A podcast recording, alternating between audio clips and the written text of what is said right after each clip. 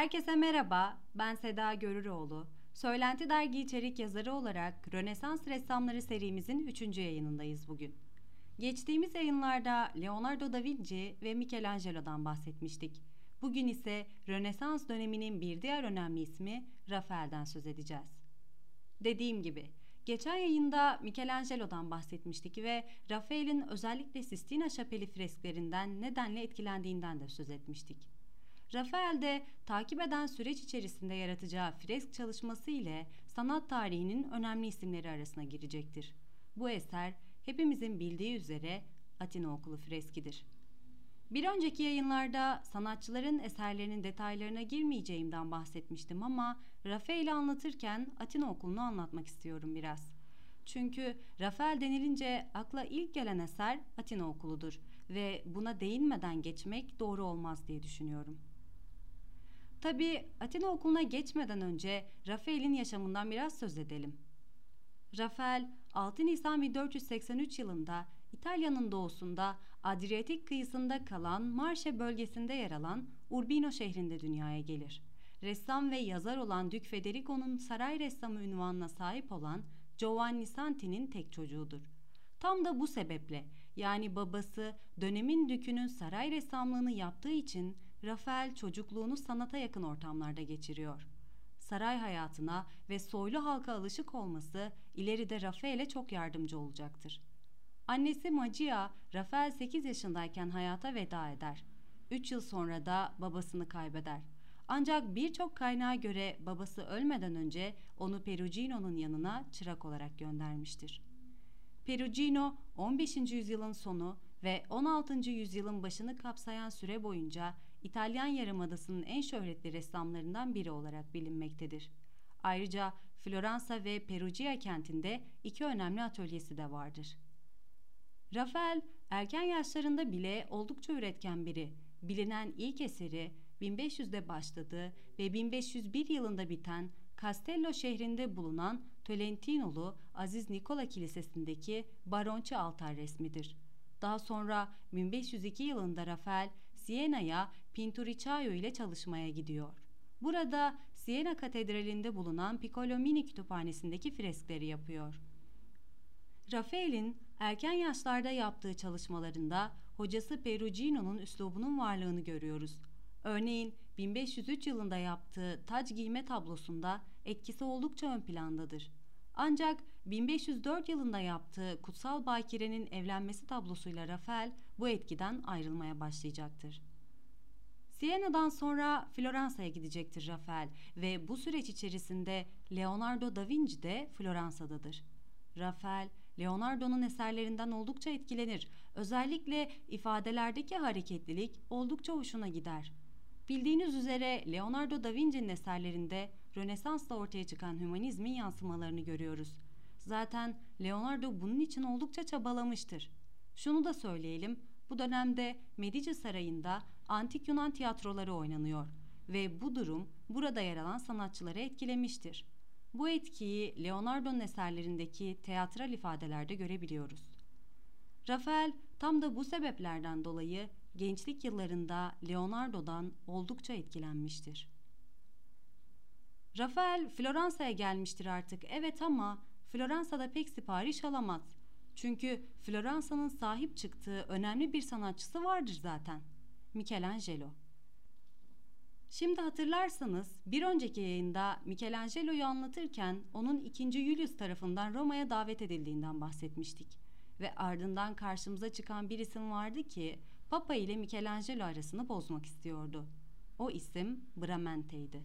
Bramente, Michelangelo'nun yerine bir ismi getirmek istiyordu ki o isim de Rafael'di. İşte bu sıralarda Bramente, Rafael'i Papa adına Roma'ya davet ediyor. Bu genç adam ile Papa'yı tanıştırıyor ve Papa bu genç ve kibar adamdan oldukça etkileniyor. Bramente'nin desteğiyle birlikte Stanza della Segnatura olarak bilinen papalık dairesinde imza salonu olan odada resim yapmak için sipariş almayı başarıyor. Michelangelo o sıralar Sistina Şapeli'nin tavanını boyuyordu. Bir ara kendine Floransa'dan yardımcılar getirtiyor ancak daha sonra işlerini beğenmemiş olacak ki onları bir daha içeri almıyor ve kendini Sistina Şapeli'ne kapatıyor. Bu sıralar bizim genç Rafael'imiz çalışmalara başlamıştır. İmza salonu olan odada bilimin dört dalıyla alakalı resim yapacaktır. Bunlar felsefe, teoloji, şiir ve hukuktur. Michelangelo ise kendini Sistina Şapeli'ne kapattıktan sonra çok yoğun bir çalışmaya başlamıştır. Ancak bu yoğunluk arasında şehirden biraz ayrılması gerekti. Tam da bu sıralarda Bramante Michelangelo'nun şehirde olmadığını fırsat bilerek Rafael'i bir gece gizlice Sistina Şapeli'ne sokuyor. Ancak gördükleri karşısında oldukça şaşırıyorlar ve çok etkileniyorlar. Bir insanın tek başına yapabilecekleri karşısında hayrete düşüyorlar. Tabii Michelangelo şehre döndükten sonra Bramante ve Rafael'in gizli ziyaretlerini öğrenecektir ve çok kızacaktır. Bu olay 2. Julius'a kadar gidecektir ancak sonunda Papa Michelangelo'yu haklı bulur. Rafael tarafında bu gizli ziyaret oldukça umut verici bir durum yaratmıştır. Sistina Şapeli tavanında gördüğü dev ve çıplak figürler ona ilham kaynağı olmuştur. Tam bu noktada Rafael'in Atina okul tablosuna gelebiliriz aslında. Bu esere baktığımızda Rafael'in antik dönemlere olan ilgisini görebiliyoruz. Karşımızda dinamik ve duygusal bir ruh haline sahip figürler yer alıyor. Kimi zaman felsefi bir destan olarak yorumlanan bu eser, antik Yunan döneminin en ünlü isimlerini bir araya getiriyor.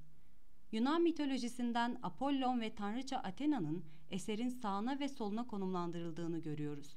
Bu konumlandırma resimde perspektifi ve derinliği yaratıyor. Ancak genel olarak baktığımızda eserde dikkatimizi çeken ilk şey merkezde yer alan iki figürdür. Aslında bu durumu yaratan resimde perspektifi ve derinliği sağlayan tekniktir. Atina Okulu freskinde tam olarak 59 figür yer alır. Özellikle renk seçimleriyle Rafael, Michelangelo'dan etkilendiğini açıkça belli etmiştir. Eserde aritmetik, müzik, geometri ve astronomi ile ilgilenen isimlerin varlığını görüyoruz. Orta kısımda ise filozoflar vardır. Dikkatimizi çeken ve eserin merkezinde bulunan iki figür, antik Yunan filozofları Platon ve Aristoteles'tir. Platon, Aristoteles'in hocasıydı ve bu sebeple daha yaşlı resmedilmiştir. Elinde kendi kitabı olan Timaios'u tutmuştur. Aristoteles ise yine kendi kitabı olan Etika'yı tutuyor. Platon daha çok görünemeyen olanla ilgilendiği için Rafael onu yukarıya işaret ederken resmetmiştir. Bununla yapmak istediği şey Platon'un idealist felsefesini sembolize etmek olmuştur. Aristoteles'in dikkati ise görünen ve gerçek olan üzerinedir. Bu sebeple Rafael onu avucuyla yeri işaret ederken resmetmiştir. Giydikleri renkler açısından bakacak olursak Platon kırmızı ve mor giymiştir. Mor rengi havayı temsil ederken kırmızı rengi ateşi temsil etmektedir. Burada ağırlığı olmayan hava ve ateş ile yine Platon'un idealist felsefesi sembolize edilmiştir. Aristoteles'in üzerindeki renkler ise mavi ve kahverengidir. Mavi ağırlığı olan suyun, kahverengi ise ağırlığı olan toprağın renkleri olarak karşımıza çıkıyor. Az önce bahsettiğimiz Apollon, güneş, müzik ve şiir tanrısı olduğu için Platon tarafında yer alıyor. Athena ise savaş ve bilgelik tanrıçası olduğu için Aristoteles tarafında. Platon'un ve Aristoteles'in etrafındaki diğer ünlü isimler de bu ayrımın bir devamı aslında. Platon'un tarafında yer alan isimler ideal olan nedir sorusuyla ilgilenen isimlerdir. Örneğin sol altta Pisagor yer alırken Aristoteles tarafında Öklit yer almaktadır ki Öklit ölçülebilir olanla ilgilenmiştir. Burada önemli bir detayı belirtmeden geçemeyiz tabi. Eserdeki her filozof bir Rönesans aktörüne denk bir şekilde resmedilmiştir. Yani şöyle söyleyelim.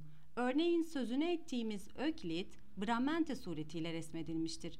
Platon ise Leonardo da Vinci'nin yüzü kullanılarak. Ön tarafta kahverengi kıyafetleriyle melankolik ruh haliyle düşünceler içinde oturan filozof ise Michelangelo suretiyle resmedilen Heraklitos'tur. Eserin en sağında ve alt köşesinde yer alan ve doğrudan bize bakan kişi ise Rafael'dir. Rafael kendisini antik Yunan ressamlarından Apelles olarak resmetmiştir. Oldukça etkileyici. Rafael bu muhteşem eseriyle Rönesans'ın önemli sanatçıların arasında yer almıştır. Atina Okulu freski Rafael'in en önemli çalışmalarından biri olmuştur. Zira kendisi eserde yer verdiği figürleri, hareketleri ve kıyafetleriyle anlamamızı isterken eşsiz bir eser ortaya çıkarmıştır. Ressam olmanın yanı sıra hem mimar, hem şair, hem de heykeltıraş olan Rafael döneminin önemli bir temsilcisi olarak karşımıza çıkmıştır. Rafael üzerine söyleyeceklerimi burada noktalarken son olarak Michelangelo ve Rafael arasındaki gerginliğe önemli bir örnek vererek bitirmek isterim. Söylediğim gibi Rafael Michelangelo'nun eserlerinden oldukça etkilenmiştir. Hatta ona hayrandır. Ortaya çıkardığı eserlerin birçoğunda bu etkiyi görebiliyoruz. Ancak Michelangelo tarafında durumlar bu şekilde değildir. O Rafael'i hiç sevmez. Zaman geçtikçe ve Rafael önemli eserler yaptıkça onun tarafında da hayranlık durumu değişecektir. Rafael artık şöhreti yakalayacak ve etrafı kalabalıklaşacaktır. Tam da bu noktada vermek istediğim bir örnek var. Rafael bir gün öğrencileriyle birlikteyken Michelangelo ile karşılaşmış. Michelangelo ona "Nereye gidiyorsun böyle Rafael? Bir monsenyor gibi çevren sarılı halde." demiş. Rafael de ona "Peki ya siz?" Bir cellat gibi böyle yalnız karşılığını vermiş.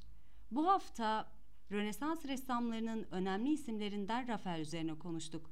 Benim Rafael üzerine söyleyeceklerim şimdilik bu kadar. Dinleyen herkese çok teşekkür ediyorum. Bir sonraki yayında görüşmek üzere, hoşçakalın.